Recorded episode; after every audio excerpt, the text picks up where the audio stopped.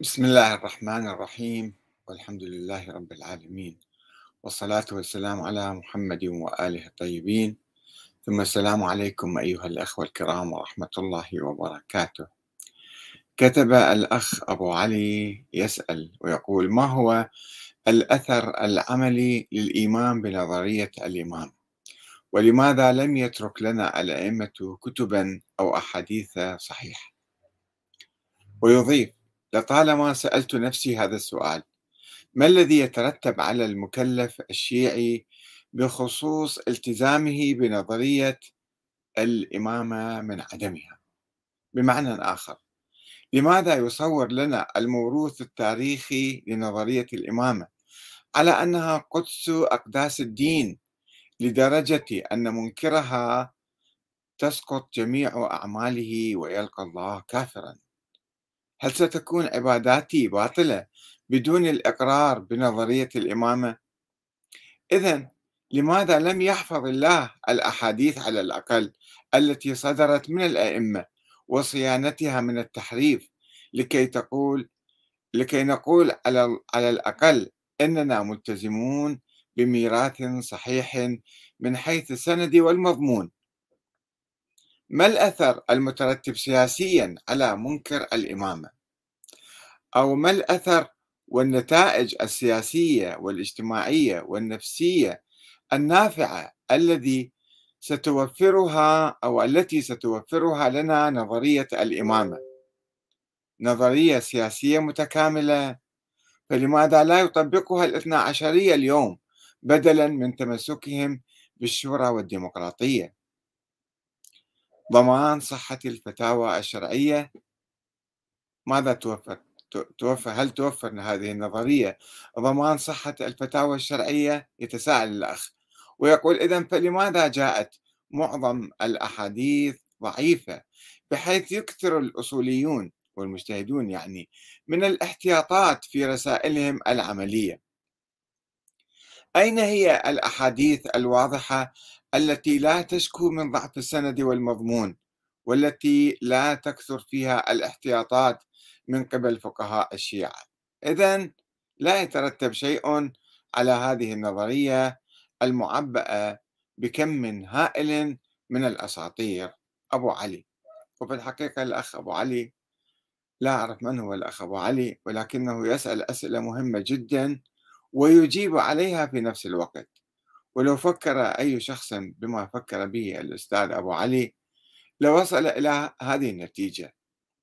نظرية الإمامة الإلهية هي باختصار قبل أن أستعرض آه، تعليقات الأخوة الأعزاء آه، على هذه الرسالة المهمة. آه، أقول نظرية الإمامة الإلهية هي نظرية مضادة للشورى. والشورى تقول بأن الحاكم ينتخب من الأمة. الله تعالى لم يتحدث عن نظام الحكم ولم يعين شخصا معين أو عائلة معينة للحكم من بعد وفاة رسول الله صلى الله عليه وسلم إلى يوم القيامة.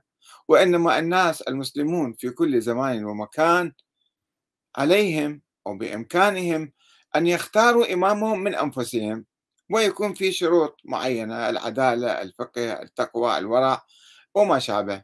هذه نظرية الشورى التي طبقت مباشرة بعد وفاة رسول الله صلى الله عليه وآله وسلم. في مقابل هذه النظرية نشأت نظرية الإمامة الإلهية. يقولون لا الناس يخطئون ويشتبهون وينحرفون ولا يمكن أن ينتخبوا الإمام. إذا ماذا نفعل؟ يقولون الإمام يعني الحاكم أو الرئيس. يجب أن يكون معصوما حتى لا يأمرنا بمعصية.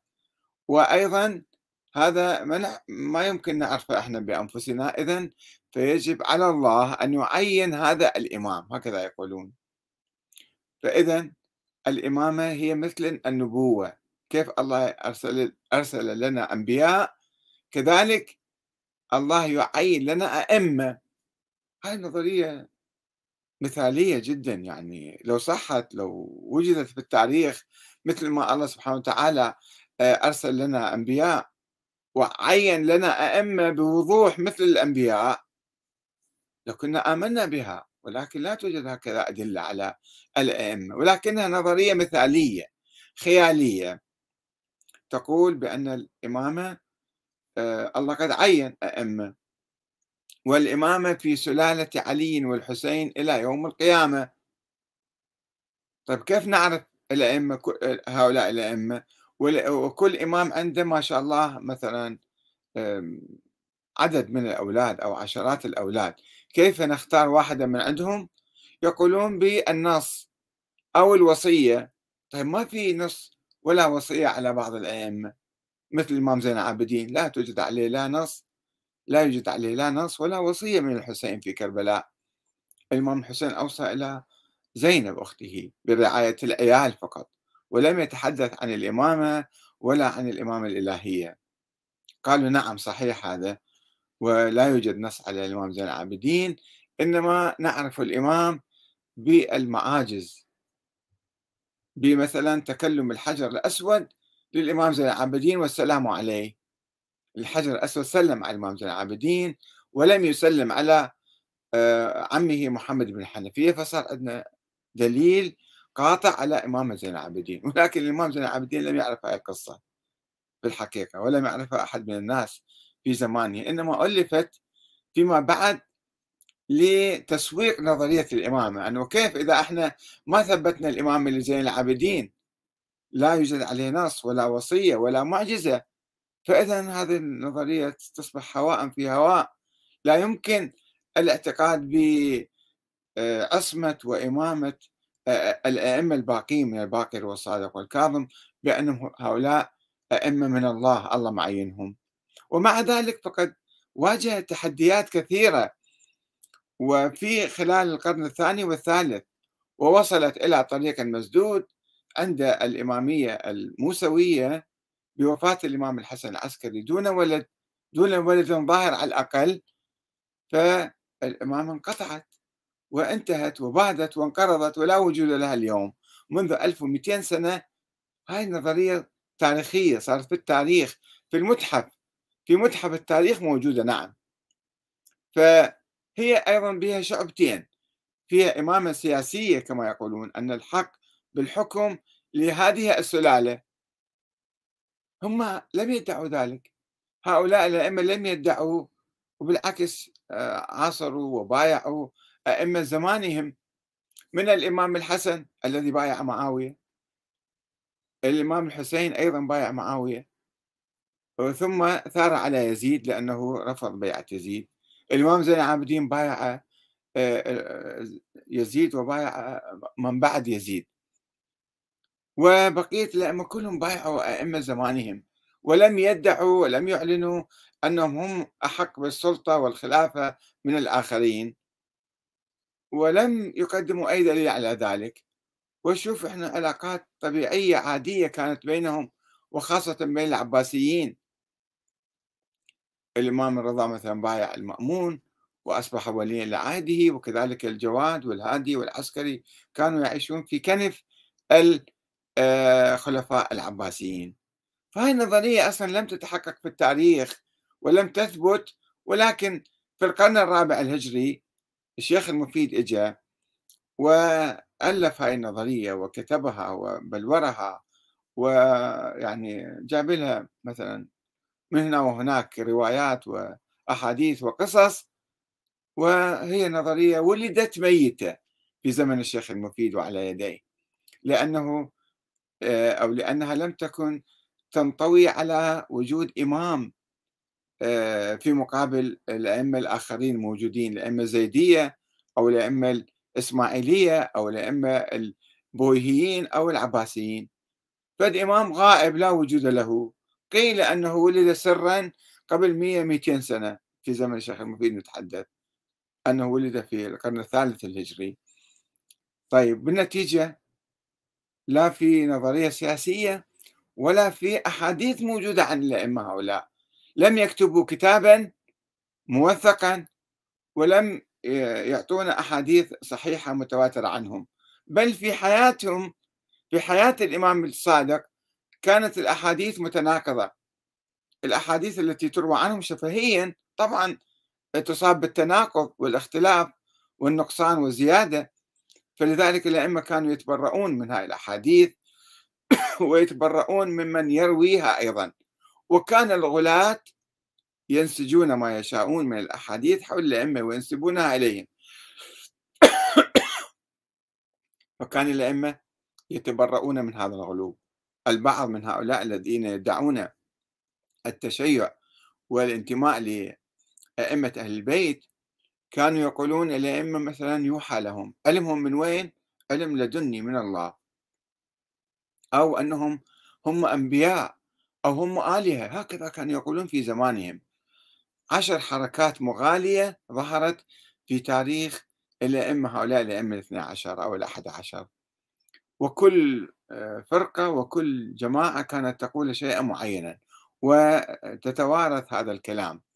فالأحاديث التي آه، رويت أو جمعها الشيخ الكليني بعد رحيل الإمام العسكري بخمسين عاما جعل جعلها في كتاب الكافي. ثم جاء من بعده الشيخ المفيد والشيخ الطوسي يسموه شيخ الطائفة لأن هو من مؤسسي الطائفة الاثنى عشرية فيسموه شيخ الطائفة. الشيخ الطوسي عندما واجه هاي الأحاديث قال هاي أحاديث عجيبة غريبة كلها متناقضة.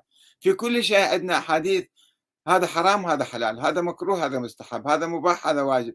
لا نعرف الحديث الصحيح من الخطأ.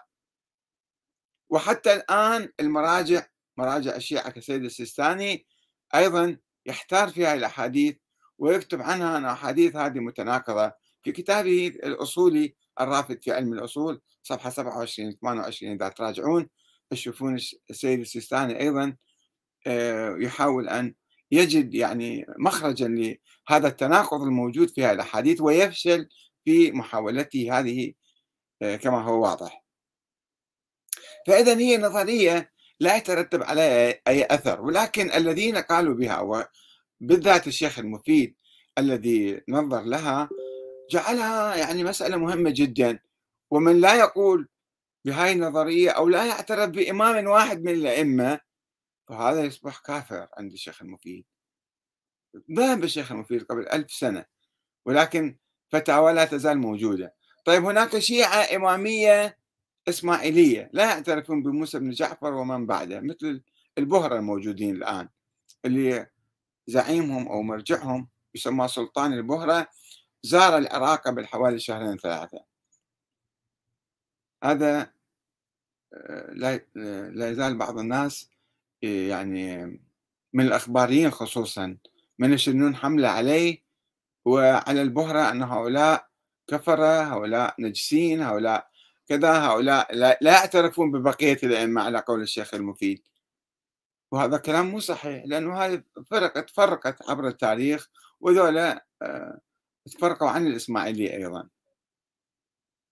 إذا فالأخ أبو علي أسئلته في محلها وهو سأل أسئلة عديدة وفكر في هذا الموضوع وقال استنتج أيضا إذا لا يترتب شيء على هذه النظرية المعبأة بكم هائل من الأساطير. عن إثبات إمامة كل واحد بأسطورة ما في نص عليه ولا وصية عليه. وهي الآن غير موجودة ولذلك تركها الشيعة الإمامية الاثنى عشرية الآن الشيعة الإمامية يؤمنون بالشورى يؤمنون بالديمقراطية بولاية الفقيه. ولاية الفقيه يعني الحاكم لا يشترط أن يكون معصوما ولا معينا من قبل الله. ولا من السلالة العلوية الحسينية الموسوية أي واحد يمكن فقيه يصير قائد وأي شخص يمكن يصبح رئيسا للجمهورية ينتخب من الناس. وكذلك في العراق هناك نظام ديمقراطي أقره المراجع وقادة الحركات الإسلامية وعموم الشيعة صوتوا على هذا النظام. فإذا هاي نظرية بائدة في الحقيقة ما نتوقف عندها كثيرا. ولكن البعض يحاول أن يتشبث بها لكي يعطي لنفسه الشرعية في السيطرة على الناس وإلغاء النظام الديمقراطي. يعني هناك حركة ردة في الحقيقة في المجتمع. هناك البعض يحاول أن يعني يتجاوز التطورات الإيجابية التي حصلت في الفكر السياسي الشيعي ويطرح نفسه ملكا أو أميرا أو مرجعا بدون علم حتى. الدكتور أحمد الجنابي يعلّق على رسالة الأخ أبو علي فيقول: "الإمامة إن كانت ضرورة ملحة ومن أصول العقائد لذكرها الله في آياته المحكمات القطعية الدلالة، أما الدلالة عليها في الآيات المتشابهة الظنية الدلالة أو في السنة النبوية وهذا استشهاد بغير محله تأويل نص مختلف فيه." هذا ما يجوز. اللطيف أن هناك أخ من كربلاء دخل علينا واسمه أبو أمين الأسدي. علق تعليقا طريفا وأثار موجة من التعليقات من الأخوة عليه. قال آه، شيخنا الجليل هو كم بقى من عمرك حتى تشكك بموضوع الإمام المهدي عليه السلام؟ استغفر ربك وخليه على من تقلده وربما أنت لا تؤمن بأحد من المراجع العظام وهذه هي الطامة الكبرى. المسألة هي مو قصة أنه إحنا نخليها يعني نخلي الناس يقلدون ما يشاءون. المسألة لها علاقة بفكرنا السياسي المعاصر. اليوم من يحكمنا وكيف نحكم؟ هل نؤمن بالنظام الديمقراطي أن ننتخب رئيس الوزراء أو رئيس الجمهورية بصورة مباشرة مثلا ويكون هذا رئيسنا ونقبل بالنظام الديمقراطي؟ نقبل بأي نتيجة مثلا تظهر من خلال الانتخابات؟ أم لا أن الشرعية الدينية بين قوسين هي للمراجع والمراجع هم الحكام الشرعيون. لماذا؟ لأنهم يدعون أن هم نواب الإمام المهدي وأنهم أولياء أمور المسلمين كما كل المراجع يدعون ذلك. فهل نقبل بالنظام الديمقراطي أم نقبل بالنظام المرجعي؟ طبعا إحنا ما نؤمن بتقليد أي مرجع أي عالم ربما إذا كان عالما ولديه علم حقيقي وكتب هذا العلم وقدمه للناس في أي مسألة معينة بحث واستقصى واجتهد فنحن نحترم اجتهاده ونأخذ اجتهاده ولكن لا نقلده تقليدا أعمى إنما نأخذ علمه ونستفيد من علمه. فإذا التقليد باطل والعلماء مؤسسي الطائفة الاثنى عشرية شيخ الطوسي والمفيد والآخرون كانوا يقولون التقليد قبيح وغير مبرئ للذمة ولا يجوز إنما علينا إما أن نجتهد أو أن نسأل العلماء كل واحد عن دليله. إذا أعطانا فتوى وكانت مخالفة للقرآن أو العقل أو العلم إذا مخالفة للقرآن نرفضها بسرعة ولا نتوقف عندها. لا يجوز لأي مجتهد أن يفتي خلاف القرآن ومع الأسف هناك من يفتي. وكذلك إذا كانت فتوى مخالفة للعلم والعقل أيضا نحن ننظر فيها ونرفضها. فإذا نحن لا نقلد والتقليد قبيح وبدعة. حدثت مؤخرا قبل 100 120 سنة أيام السيد كاظم اليزدي. أما موضوع الإمام المهدي فهو موضوع مو أنا أشكك فيه. إنما الإمام الحسن العسكري كان ينفي وجوده. إذا الإمام العسكري يقول أنا ما عندي ولد أنا كيف أجي أكذب الإمام العسكري وأقول له لا أنت عندك عندك ولد بالسر وضام ضامة بالسرداب مثلا. ما يجوز إحنا نعامل الأئمة. إذا كنا شيعة حقيقة ونحترم كلام الأئمة ما يجوز إن إحنا نكذب الأئمة. ونخالف الظاهر مالهم ونصدق بأقوال المدعين بعد وفاتهم. أنتم اذهبوا لأي محكمة الآن؟ روحوا حاولوا سجلوا آه، مثلا ولد من أولادكم. القاضي يقول لك جيب لي شهادة الولادة.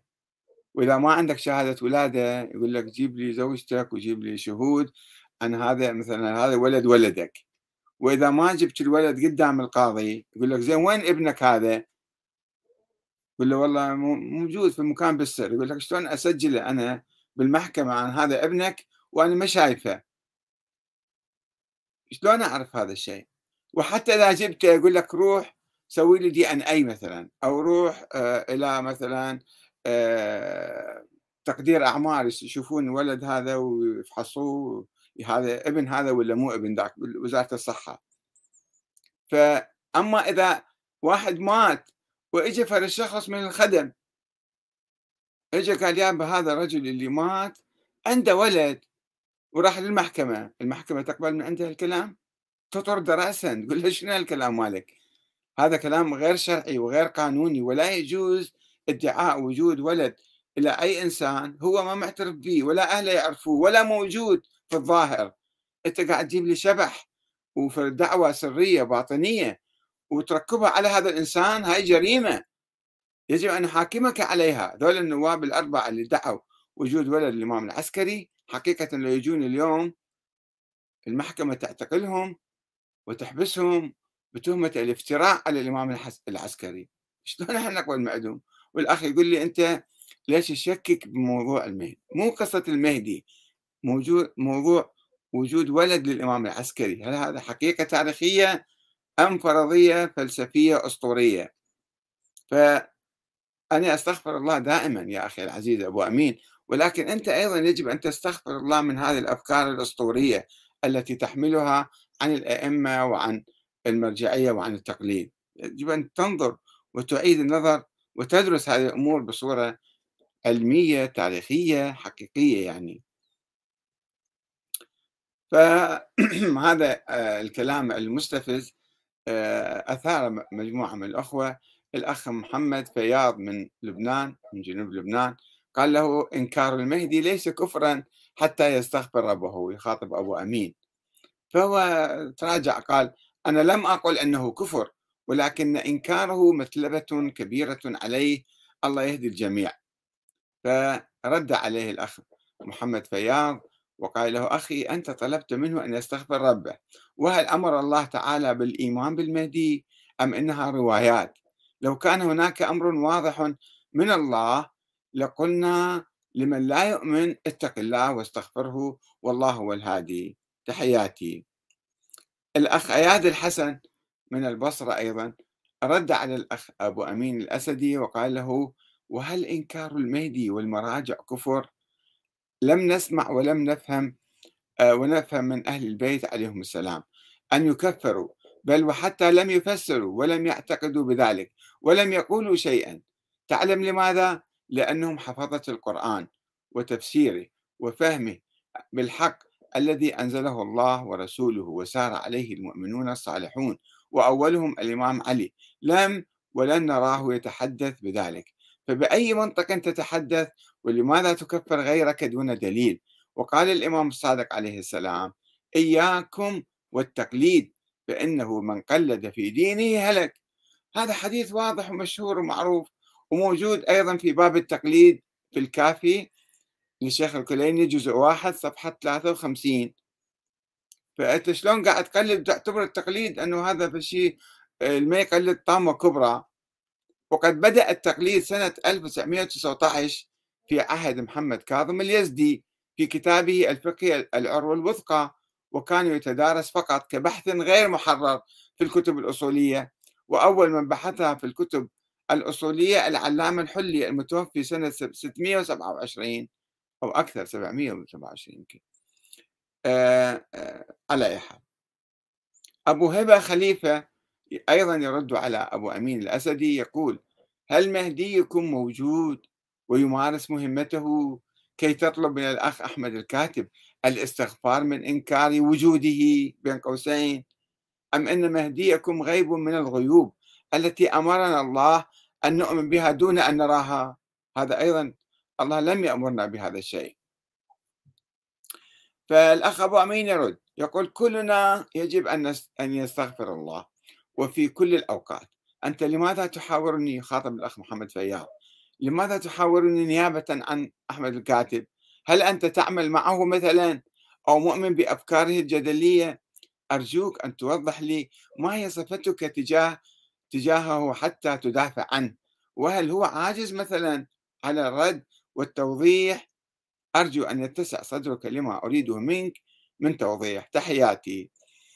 ويخاطب أبو هبة الخليفة أبو أمين الخاطب أبو هبة. يقول ما شاء الله للكاتب أنصار كثر. وأنا بصراحة لا أحب الدخول في جدال عقيم.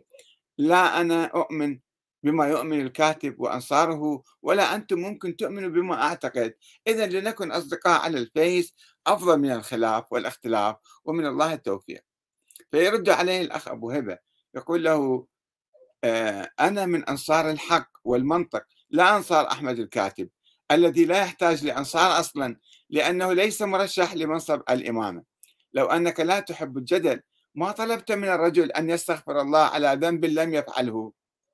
ويرد عليه الأخ محمد فياض يرد على أبو أمين الأسدي يقول له أولا عزيزي المسائل الدينية لا تخص أحمد الكاتب بالذات فهي مسألة تخصنا جميعا ونتحدث بها بصفتنا كمسلمين. هذه هي صفتي. أنا أتبع ما أعتقده حقا وهو ضالتي أينما وجد. لا أتبع أحدا بشخصه ولا أقلد أحدا. نعم نستغفر ربنا. كل لحظة من أجل التعبد ونستغفره من ارتكاب ذنوب حددها لنا هو جل جلاله على أنها ذنوب. أخي العزيز توقع أحد أن يرد أن يرد أو يعترض على أفكارك هنا. هذه هي اللعبة وعليك تقبلها. لك مني عدم الإساءة وفائك الاحترام.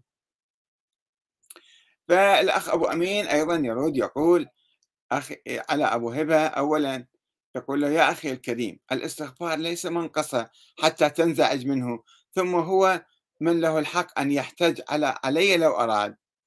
فيجيبه أبو هبة قائلا نعم صدق الإستغفار ليس منقصة بل هو محمدة ولكن سياق الكلام هو الذي يحدد إن كان طلب الإستغفار منقصة أو محمدة. وسياق كلامك يقول أن أحمد الكاتب ارتكب ذنبا بالتشكيك في أمر المهدي المنتظر الذي لم يأمرنا الله بانتظاره كي يقيم لنا دولة العدل وإنما أمرنا بأن نقيم نحن العدل في كل زمان ومكان.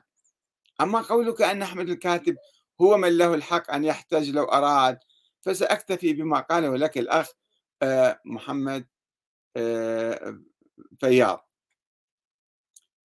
آه، وهنا يتدخل الأخ أياد الحسن فيقول لأبو أمين الأسدي كلام جميل أستاذ. وأخي العزيز الإيمان بالحق والعقل والمنطق هو الحق الذي أراده الله ورسوله وكل يحاسب حسب اعتقاده وفهمه. لا نكفر أحدا ولكن الفرق أننا نؤمن بما هو موجود في القرآن وكتاب الله العظيم الذي يعتمد فيه كل المسلمين. ليلم شهادة تقول لأبو أمين أنا أدعوك لأن تستغفر ربك. فيجيبها الأخ أبو أمين يقول أستغفر الله ربي وأتوب إليه بقدر القطر والمطر. المهم أنت منو طلب رأيك؟ فيتداخل الأخ أياد الحسن يقول كلام وتحليل جميل لا غبار عليه. فلماذا ولماذا ولماذا؟ الغلو والتعند والتمسك بهكذا نظريات لا تسمن ولا تشبع من جوع. متهالكة من حيث البدء. شكرا. ثم يدخل الأخ أحمد علي البصراوي فيضيف ويقول والأكثر من ذلك لماذا لم يؤلف أهل البيت كتبا؟ هذا يعلق على رسالة الأخ أبو علي التي قرأناها في البداية. يقول والأكثر من ذلك لماذا لم يؤلف أهل البيت كتبا بخط أيديهم حتى تبقى محفوظة ونقرأها؟ وهناك كتب ومخطوطات قديمة أقدم من تاريخ أهل البيت بل أقدم من العهد الإسلامي. الإمام جعفر الصادق عليه السلام فتح كلية للعلوم المختلفة وتخرج على يديه الآلاف الطلاب. لماذا لم يؤلف كتابا واحدا؟ نرجع إليه. وأيضا يدخل الأخ كريم صبري شعبان كأنه يريد أن يرد على هذا الأخ يقول ولماذا لم يؤلف النبي الأكرم صلوات ربي وسلامه عليه كتابا بخط يده حتى تبقى سنة النبي محفوظة؟ ثم لماذا لم يضع النبي صلوات ربي وسلامه عليه كتابا فيه تفسير للقرآن الكريم حتى لا يتسنى لأحد التلاعب في تفسير القرآن؟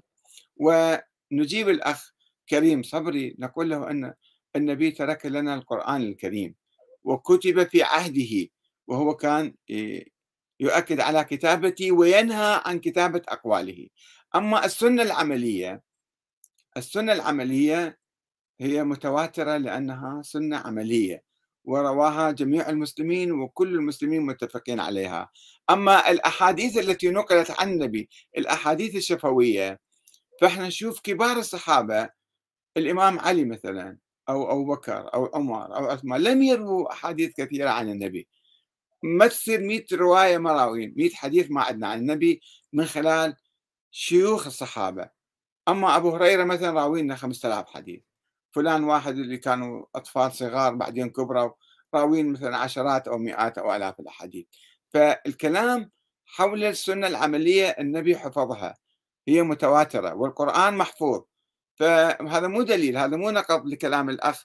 الأئمة طيب الأئمة ما ما تركين أي شيء. لا عندهم كتاب ولا عندهم قرآن مثلا خاص بهم ولا عندهم شيء محفوظ. فاحنا شنو نسوي الآن؟ عبد الوهاب البصري يقول الإمامة الشيعية فرضية وضعوها أناس وقدسوها. والله وضع معايير وأحكاما وسننا كل من اتبعها هو مهتد على حق. الإمامة الشيعية تحول الله والإسلام إلى شيء أشبه بالملكية الشخصية وأهل البيت آلهة يعبدون من دون الله. هذا كلام شوية مو دقيق. وأخيرا آه، آه، نصل إلى هذه الرسالة التي أرسل أرسلها لنا أحد الأخوة يقول أستاذ أحمد ما جوابك لمن يقول بأن مقطع وإنهم لن يفترقا حتى يرد علي الحوض دال على الإمامة المستمرة وأن الأئمة الاثنى عشر هم المصداق الأكمل لهذا الحديث. بالحقيقة بحثنا هذا الموضوع في حلقة سابقة قبل أيام وقلنا أن حديث الثقلين غير صحيح وغير واضح وغير متواتر وهو مجموعة أحاديث مركبة على بعض وشيوخ الطائفة الاثنى عشرية كالشيخ المفيد يرفض الاستدلال بحديث الثقلين على الإمامة. في كتابه الجارودية عندما يخاطب الزيدية الجارودية الذين يجعلون الإمامة مثلا في أبناء علي يقول لهم لا إذا أنتم تمسكتوا بهذا الحديث حديث الثقلين فالعترة يعني وعترتي كتاب الله وعترتي فالعترة يعني الهاشميين يعني عشيرة النبي. وهذا أنتم ما تقبلوه فإذا لا يمكن الاستدلال بهذا الحديث. هذا أولا. والشيء الثاني إحنا ما يمكن نفكر بصورة مقلوبة أنه هذا الحديث دليل على الإمام المستمر. وين هذا الإمام المستمر؟ الإمام الثاني عشر أين هو؟ حتى نقول هذا الحديث ينطبق عليه وهو صحيح. عدم وجود الإمام الثاني عشر دليل كاف على نقض نظرية الإمامة أو نقض نظرية آه، هذه الثقلين. فإحنا مو نفكر بصورة معكوسة. وين الأئمة؟ ثم لو كان الحديث صحيح أو مو صحيح. الآن أين هم الأئمة؟